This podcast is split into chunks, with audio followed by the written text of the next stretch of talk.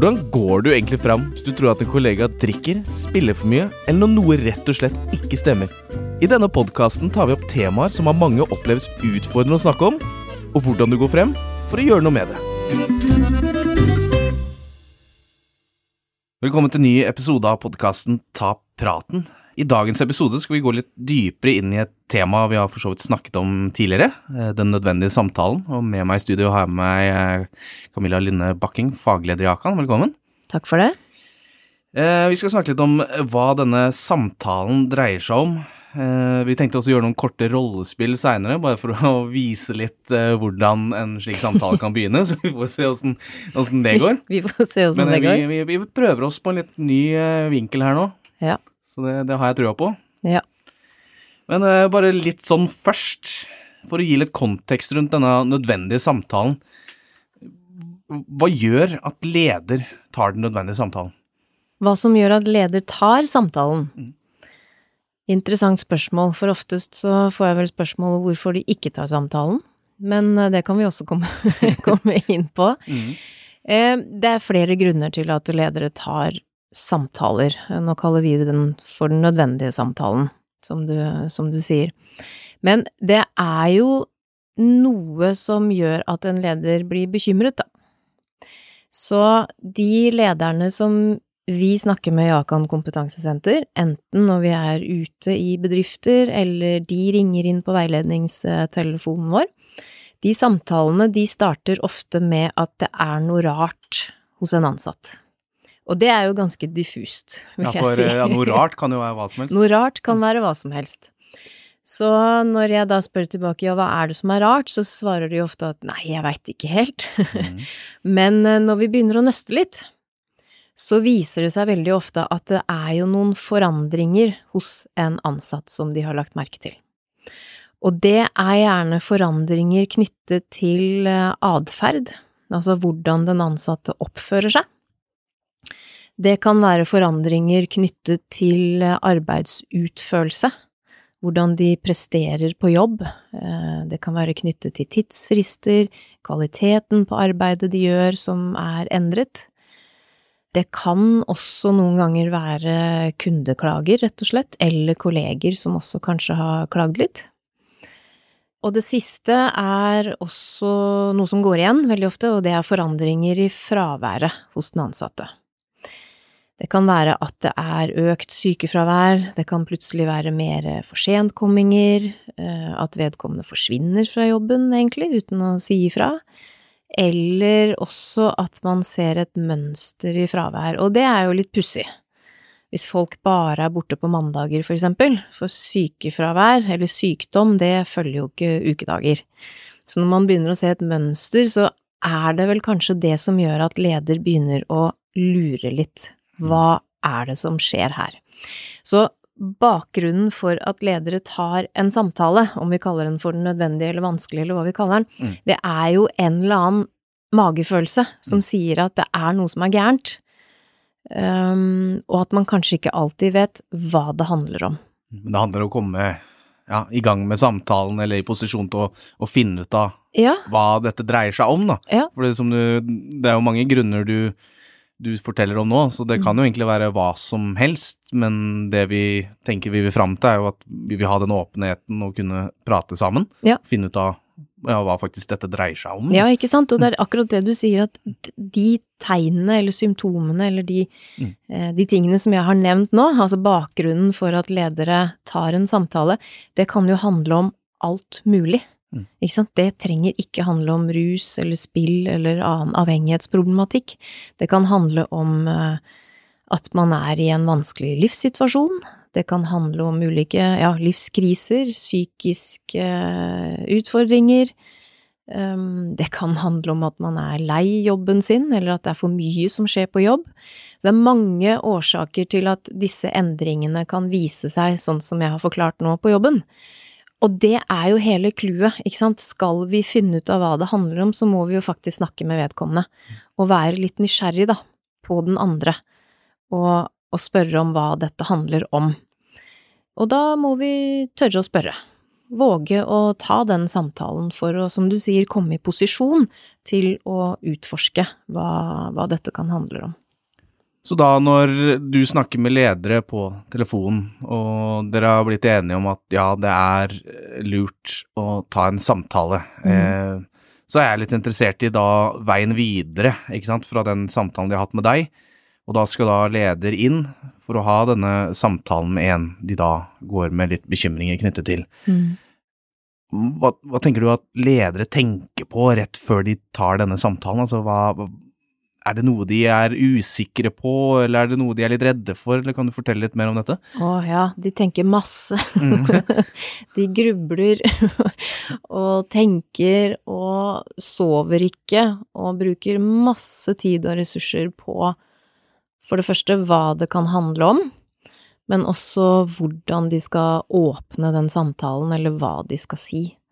Og det er mye eh, Det er mye frykt inn i bildet, tror jeg. Altså, hva, hva er, de, er de redd for å ta feil, type? Ja, sånn overordnet. Altså, den største frykten tror jeg nettopp handler om det. Mm. Hva om jeg tar feil? Og det er jo litt pussig, for når vi akkurat har sittet og sagt at vi ønsker jo at ledere skal ta den samtalen uten å vite hva det handler om, egentlig. Altså at man kommer i posisjon og tar den praten så tidlig som mulig, før du har stilt diagnosen eller bestemt deg for hva problemet er. For det er jo da problemet kommer. Ja. Hvis jeg allerede har bestemt meg for at disse endringene jeg ser hos deg, sikkert handler om at du enten drikker for mye, eller ruser deg, eller spiller for mye, eller hva det er, så har jo liksom jeg stilt diagnosen. Ja.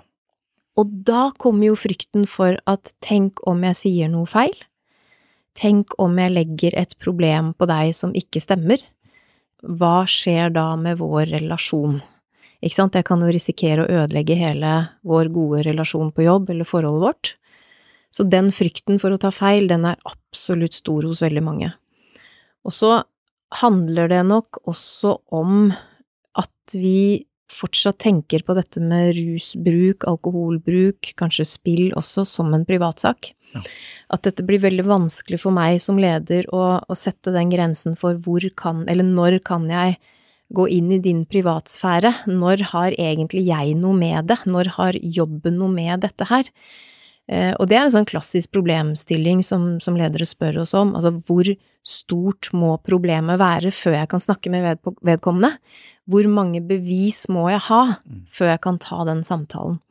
Og det tror jeg er med på å hindre i at vi kommer i posisjon til å ta den samtalen mye tidligere. Så vi utsetter og utsetter og utsetter disse samtalene til vi liksom har samlet opp nok bevis Eh, og er sikre på at nå, nå har jeg nok, nå kan jeg snakke med vedkommende. Mm. Men da blir det jo en annen type samtale, for da handler jo den samtalen kanskje mer om å få deg til å omtrent innrømme eller bekrefte. Så den er lenger ikke sånn nysgjerrig av natur, den samtalen, eller søkende etter hva det dreier seg om, det er mer en en slags bekreftelse, da. Ja, det kan nesten gå fra mer nysgjerrighet til anklage, da. Ja, For da har jo jeg allerede liksom stilt den diagnosen og vet hva ditt problem er. Mm. Og da er det vanskelig å stille seg så åpen at jeg klarer å møte deg med åpenhet og nysgjerrighet, og være, være åpen for nettopp din forklaring. Og så er det kanskje også en viss sånn eh, konfliktskyhet. Ja som kan ligge bak. Vi har vel kanskje en tendens i, i, norsk arbeidsliv til å søke veldig harmoni. Vi vil jo at alt skal være bra, at vi skal ha gode relasjoner, at alt er liksom på det lugne, at alt er greit. Eh, og det er klart, hvis, eh, hvis, vi tror at vi kan ta feil da, i denne samtalen, så kan jo det potensielt skape konflikter og ødelegge gode, nære relasjoner. Og det bringer oss over også på det faktum at eh, det handler mye om nettopp relasjon. Ikke sant? Veldig ofte så sier vi at nei, det er vanskelig for meg å ta den samtalen, for jeg kjenner ikke deg så godt, eller jeg kjenner ikke vedkommende så godt. Men det er ofte like vanskelig hvis vi kjenner hverandre veldig godt, for da kommer da, Nære relasjoner gjør jo også noe med følelsesregisteret vårt, ikke sant? Eh, sånn at det kan hindre oss i å ta den samtalen potensielt kan ødelegge relasjonen, men jeg er også redd for hva det fører til for deg. Ehm, kanskje gjør jeg situasjonen mye verre for deg, og det vil jeg jo ikke, for jeg er glad i deg, ikke sant? Um, så hele det spekteret her spiller jo inn og er med på å gjøre at det hindrer oss i å ta disse samtalene tidlig, da. Og så er det vanskelig å eh, se for seg hvordan disse samtalene går, eh, særlig knyttet til din reaksjon. Og følelser er jo litt krevende å gå inn i, eller å mm. ta imot, eller å stå i selv. Så hvis vi klarer å liksom legge det litt, ikke bort, men i hvert fall tenke på at ok, kommer det masse følelser, blir det sinne, blir det tårer, blir det frykt eller redsel, så gjør ikke det noe. Eh, følelser kan være krevende, men det er ikke farlig. Mm. Det er jo en naturlig reaksjon som kan bringe oss videre, hvis vi orker og tør å stå litt i de følelsene, da. Har du noen eksempler på situasjoner fra arbeidslivet? For Du snakka om at du snakker jo med ledere annet på veiledstelefonen. Eh, altså noen eksempler som har gjort at ledere har tatt den nødvendige samtalen? Ja, det har vi jo mange av. Ja. Eh, men eh, ja, jeg kan Særlig én som har brent seg litt fast. Eh, det var en leder som ringte inn og forklarte at han var bekymra for en av sine yngste ansatte. Det var en gutt på ja, par og tjue år.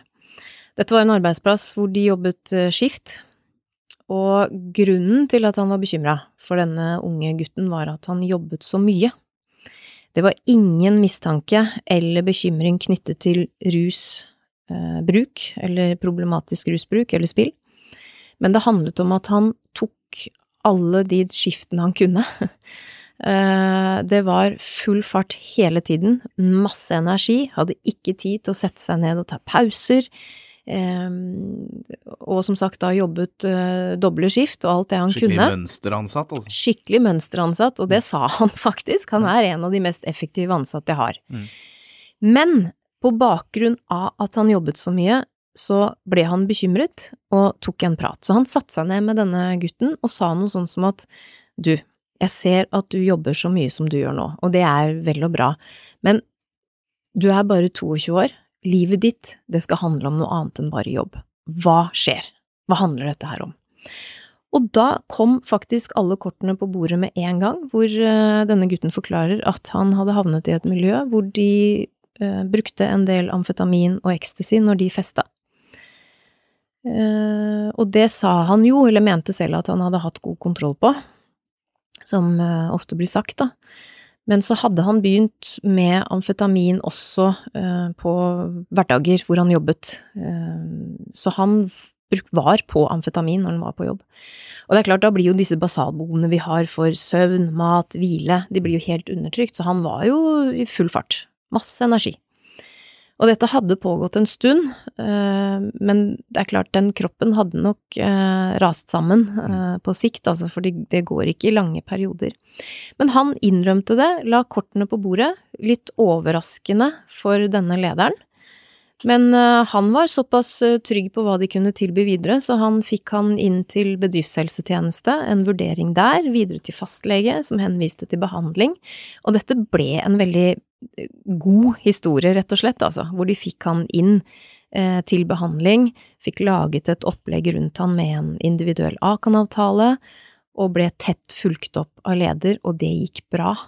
Og det er en god historie fordi eller en god slutt på mm. en historie, for å si det sånn, eh, fordi vi lett kunne ha mistet denne 22-åringen ut av arbeidslivet fordi han begynte å flørte eh, med illegale rusmidler og havnet i, i, det miljøet, men her klarte de å hente han inn, øh, og fikk gode rammer rundt han, og det gikk bra.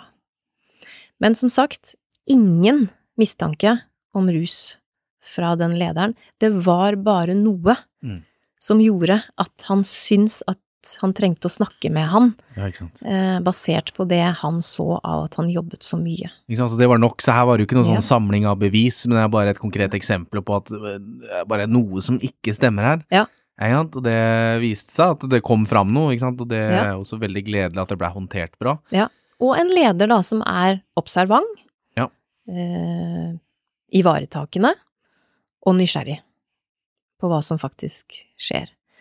Og det sier jo noe om hvor viktig det er å se hverandre, ikke sant? Eh, å bli sett og å se. Og det er jo det dette bunner i, det er det dette handler om. Du hadde ett eksempel til fra en annen scenario som er kanskje eh, litt annerledes? Ja, jeg kan godt ta en annen også. Det er mange eksempler å ta av, men eh, en, ja, en annen historie, det var en Det var en brannsjef som ringte inn og snakket med en av våre rådgivere på vegne av en ansatt, en voksen, godt voksen mann som hadde jobbet der som brannmann i mange, mange år. En tøff, barsk, eh, herda brannmann, som denne brannsjefen kalte den. Og der var det litt mer konkrete eh, mistanker om at det handlet om et høyt, høyt alkoholforbruk, som de begynte å se eh, konsekvensene av på, på jobben. Så han forberedte seg godt, denne brannsjefen. Eh, fikk han inn på kontoret og begynte en samtale basert på at han var bekymret. Han brukte våre råd eh, og satte ord på det han hadde observert, og sa at han var bekymret, og spurte om hva dette handlet om. Og han hadde jo forberedt seg selvfølgelig på både forsvar, benektelse og også sinne. Mm. Men så skjer det som han ikke var forberedt på, og det var at det blir helt, helt stille. Han møter bare en helt taus vegg. Han får ikke blikkontakt med denne brannmannen, eh, ikke et ord som blir sagt. Og da eh, går minuttene, holdt jeg på å si, og du får liksom sagt ganske mye, da, på få minutter, for han prøvde jo på forskjellige måter å nå fram, og snudde litt på spørsmålene, ikke sant, og fikk liksom sagt denne bekymringen veldig tydelig. Fikk ingen respons. Så han følte jo at han mislyktes totalt.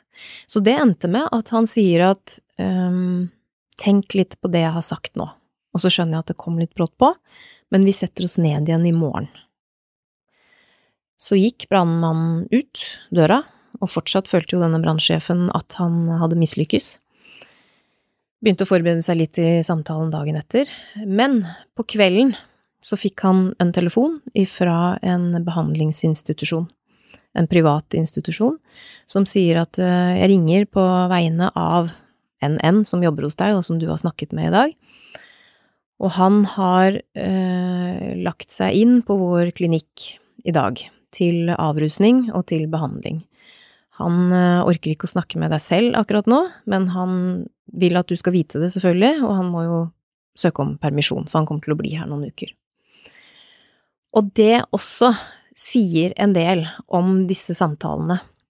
Fordi det som føltes og opplevdes som en totalt mislykkes eh, samtale, mm. fordi han ikke fikk noen respons, han følte jo ikke at han nådde fram i det hele tatt, viser dette eksempelet at vi setter i gang ganske mange refleksjoner og tanker hos vedkommende, selv om ikke vi får den der umiddelbare responsen, som kan føre til endring. Og det er jo det som er så viktig å forstå hensikten med disse samtalene her, som bare føles som kanskje sånne bekymringssamtaler som ikke nødvendigvis leder ut til noe sånn helt konkret, i hvert fall ikke de første samtalene, da. Men det er jo sånn at en sånn type samtale setter i gang muligheter hos folk, som kan føre til ganske store endringsprosesser på sikt. Og vi kan, vi har masse eksempler på fra arbeidslivet, at disse tidlige samtalene her, eh, de reverserer en uheldig utvikling hos en del ansatte. Sånn at vi unngår at dette, disse utfordringene, problemene, trekker ut i tid og blir enda større saker, som ender opp med kanskje personalsaker, ender opp på HR sitt bord eller hos toppleder, men at man klarer å reversere en uheldig utvikling på et tidlig tidspunkt, men at folk klarer å hente seg inn selv. For de får en, en, en slags korreks, da, eller korreksjon, ikke sant, på det vi oppfatter og opplever på jobb. Og folk er jo i stand til å, å gjøre ganske mye selv, altså. Vi må bare bli oppmerksom på det, ikke sant, at nå har det gått så langt at det får negative konsekvenser for jobben, videre. Ja, altså Det vi egentlig ganske åpenbart kan bli enige om, da, eh, basert på disse historiene og det vi har snakket om, er at den magefølelsen leder går med, mm. ja, det er faktisk nok, det. Ja, det er, det er så lett som det. For det, den bekymringen eller magefølelsen, den er din, og den kan jo ingen andre ta vekk fra deg. Så det er jo ikke bevis det er snakk om her nå.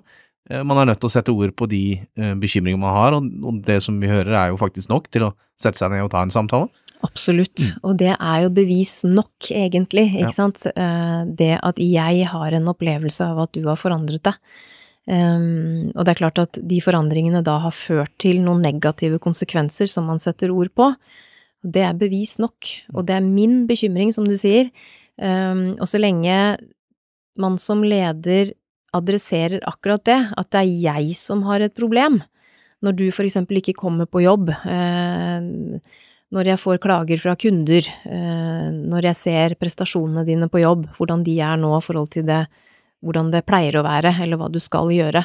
Det er min observasjon, og det er min bekymring.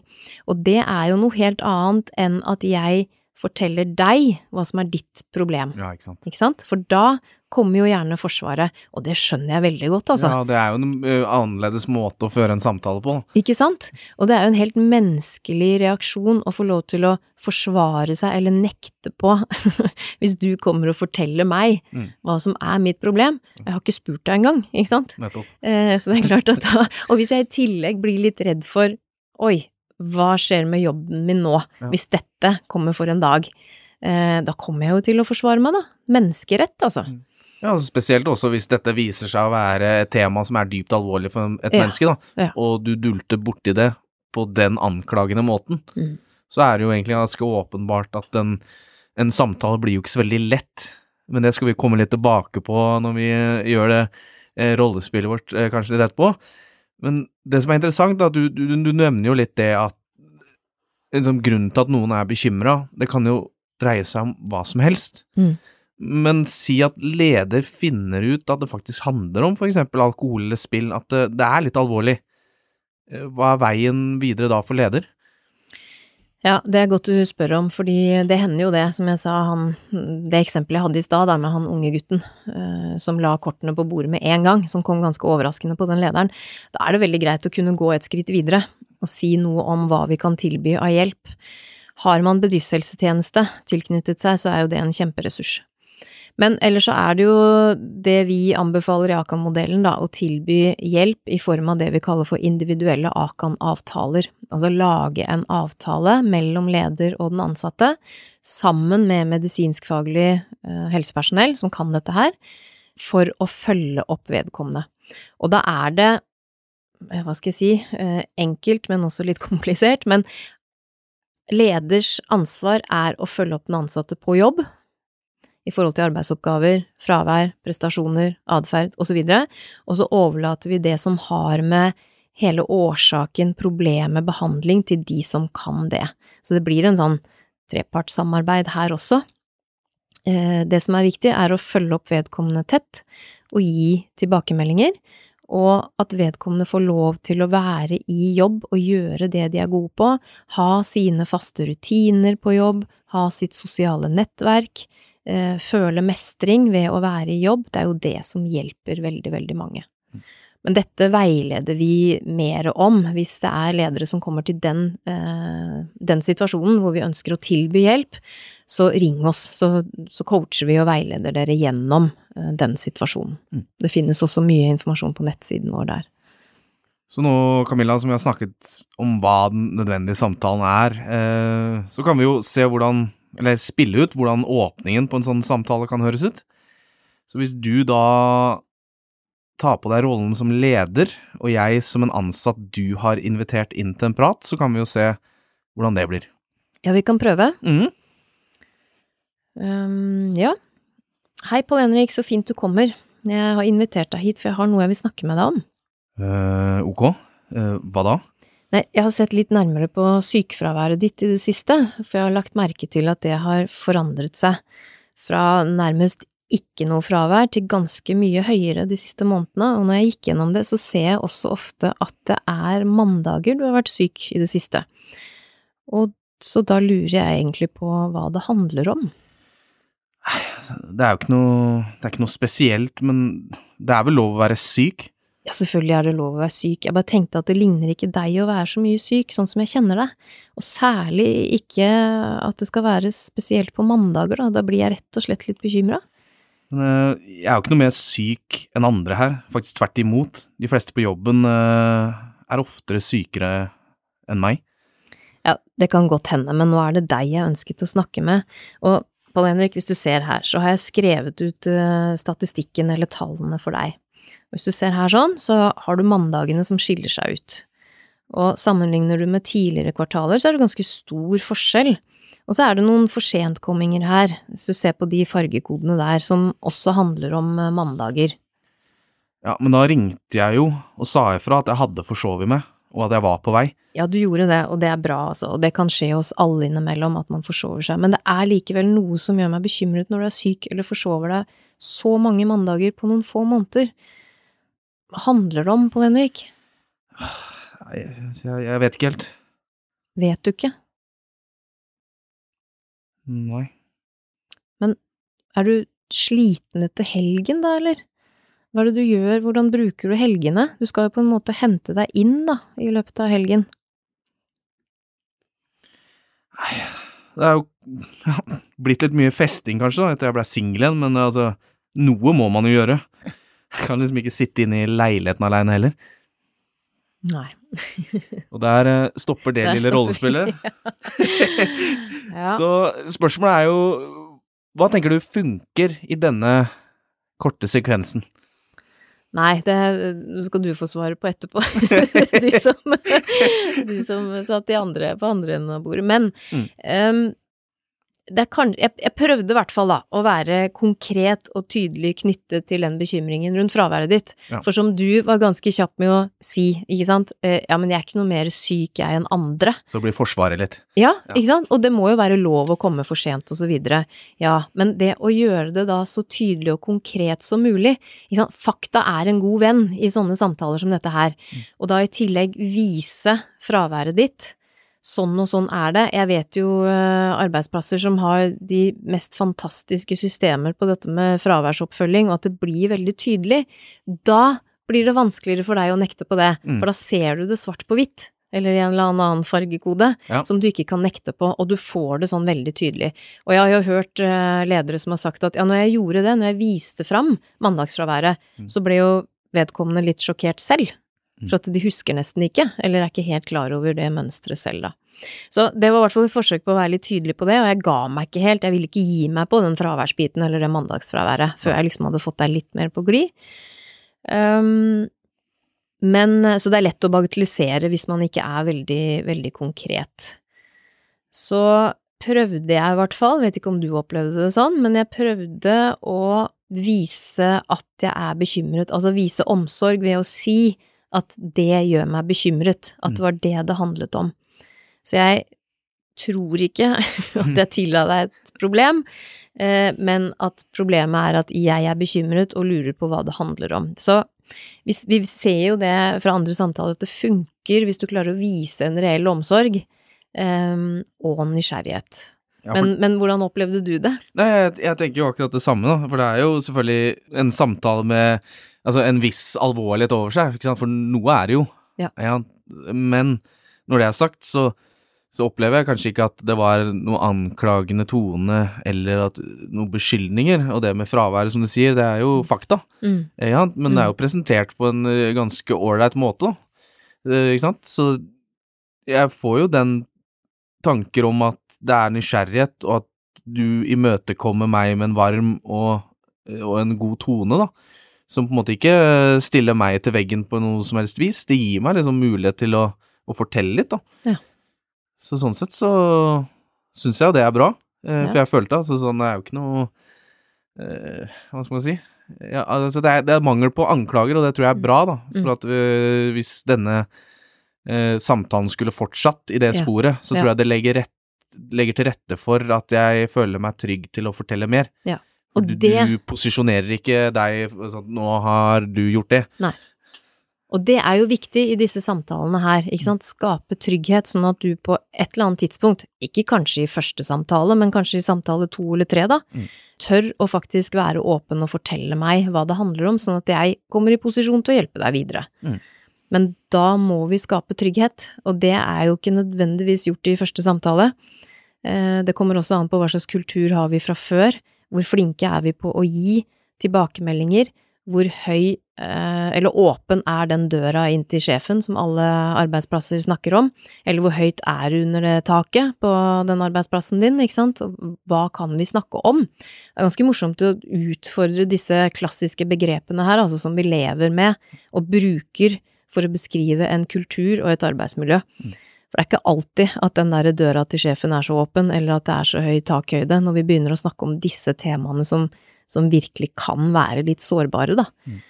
Um, så trygghet er jo nøkkelen her. Mm. Og den må man jo, holdt på å si, investere i. Det må jobbes Eller, med. ja, og være litt god på å få til. Og får man ikke det til i første samtale, eller i starten på en samtale, så går det jo faktisk an å hente seg inn. Mm.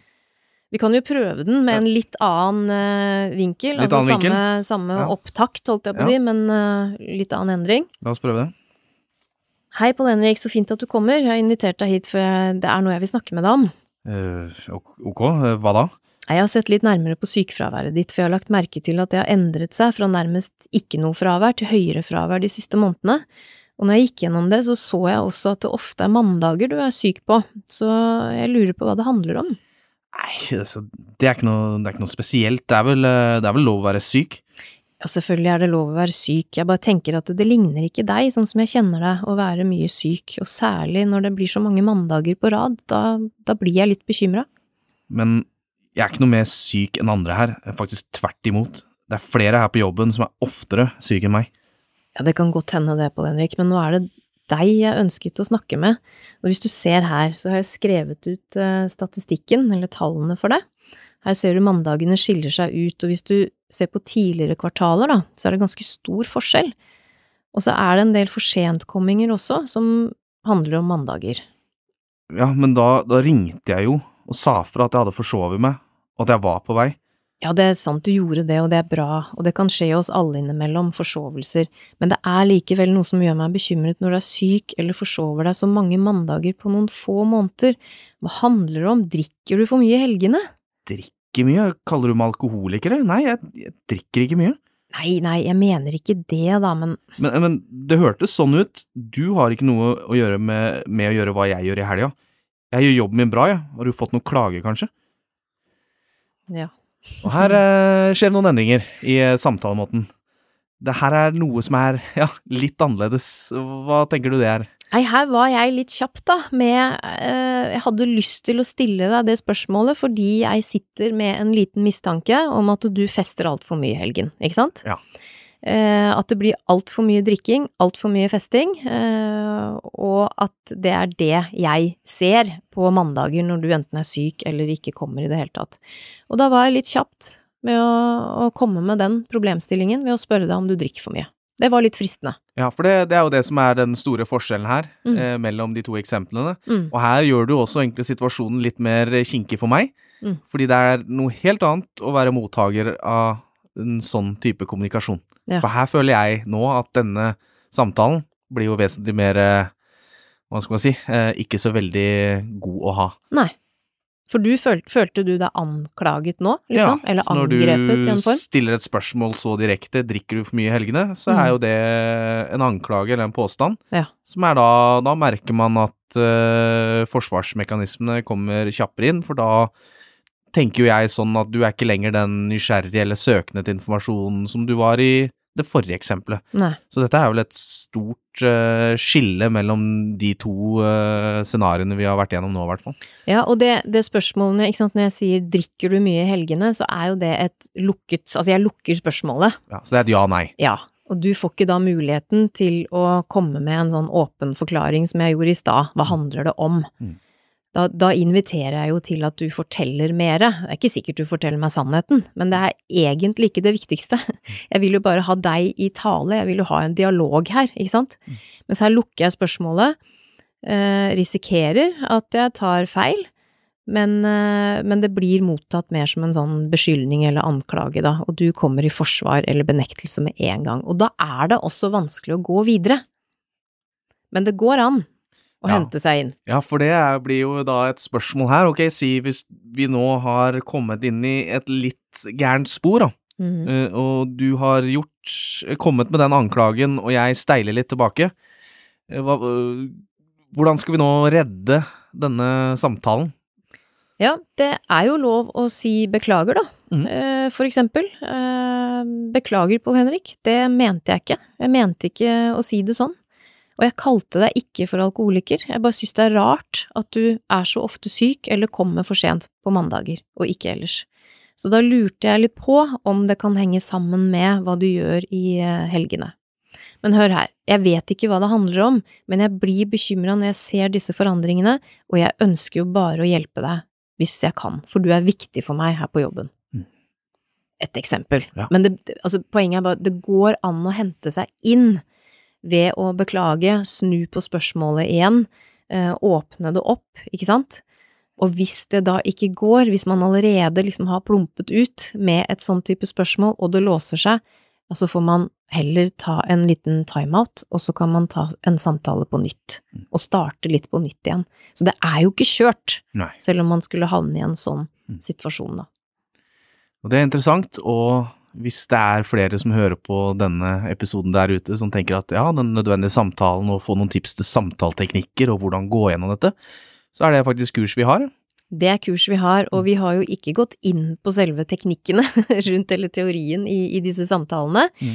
eh, men det har vi kurs på. Vi kjører eh, opplæring bedriftsinternt veldig mye. Mm. Så da kan man samle ledere i bedriften. Vi kommer til bedriften eh, og legger opp kurs sånn helt konkret i samtaleteknikk. Eh, Vi kan øve på det sammen. Alle blir litt redd for det og kjøre rollespill, sånn som vi har gjort nå. Ja, Men du får testa ja ut men du litt, får testa det, det er jo Ja, det viktigste. Det er litt viktig. Man får litt trening i på en måte Man merker jo det at ordene man benytter, ikke sant, det har så mye å si, da. Ja. I på en måte hvordan eh, samtalen glir videre. Da. Og det Ja. å bli litt observant på språkbruk, for eksempel, er jo én metode her. Ikke sant. Og så har vi noen dilemmafilmer som handler om uh, samtaler, som uh, det går an å se på. Det ligger på nettsiden vår. Vi har åpne kurs uh, også, så i den nødvendige samtalen. Nå kjører vi det digitalt, men ellers så har vi også det fysisk. Så det er mange muligheter til å bli tryggere, til å lære seg litt om disse samtalene. Og så er det selvfølgelig øvelse og trening som må til, og det er jo ikke så veldig ofte man kommer opp i samtaler knyttet til rus eller avhengighetsproblematikk, men samtaler som man kanskje syns er vanskelig eller gruer seg litt for å ta, det kommer vi opp i alle sammen. Og de samtalene som vi snakker om, altså den nødvendige samtalen, den har overføringsverdi til andre sånne type, kanskje utfordrende samtaler. Så det er en god investering å lære noen sånne grep knyttet til det, sånn at vi senker terskelen for å gå inn i de samtalene, og at vi tør å ta de mye, mye tidligere enn det vi kanskje i praksis gjør, da. Og med det så takker jeg eh, for at dere lytta til denne episoden, og tusen takk til deg, Camilla, som blei med. Bare hyggelig. Takk for at du lytta til podkasten. Husk å abonnere, så får du neste episode direkte inn på mobilen din. Ønsker du mer informasjon om hva du kan gjøre, så finner du det på akan.no. Er du bekymra? Ta praten.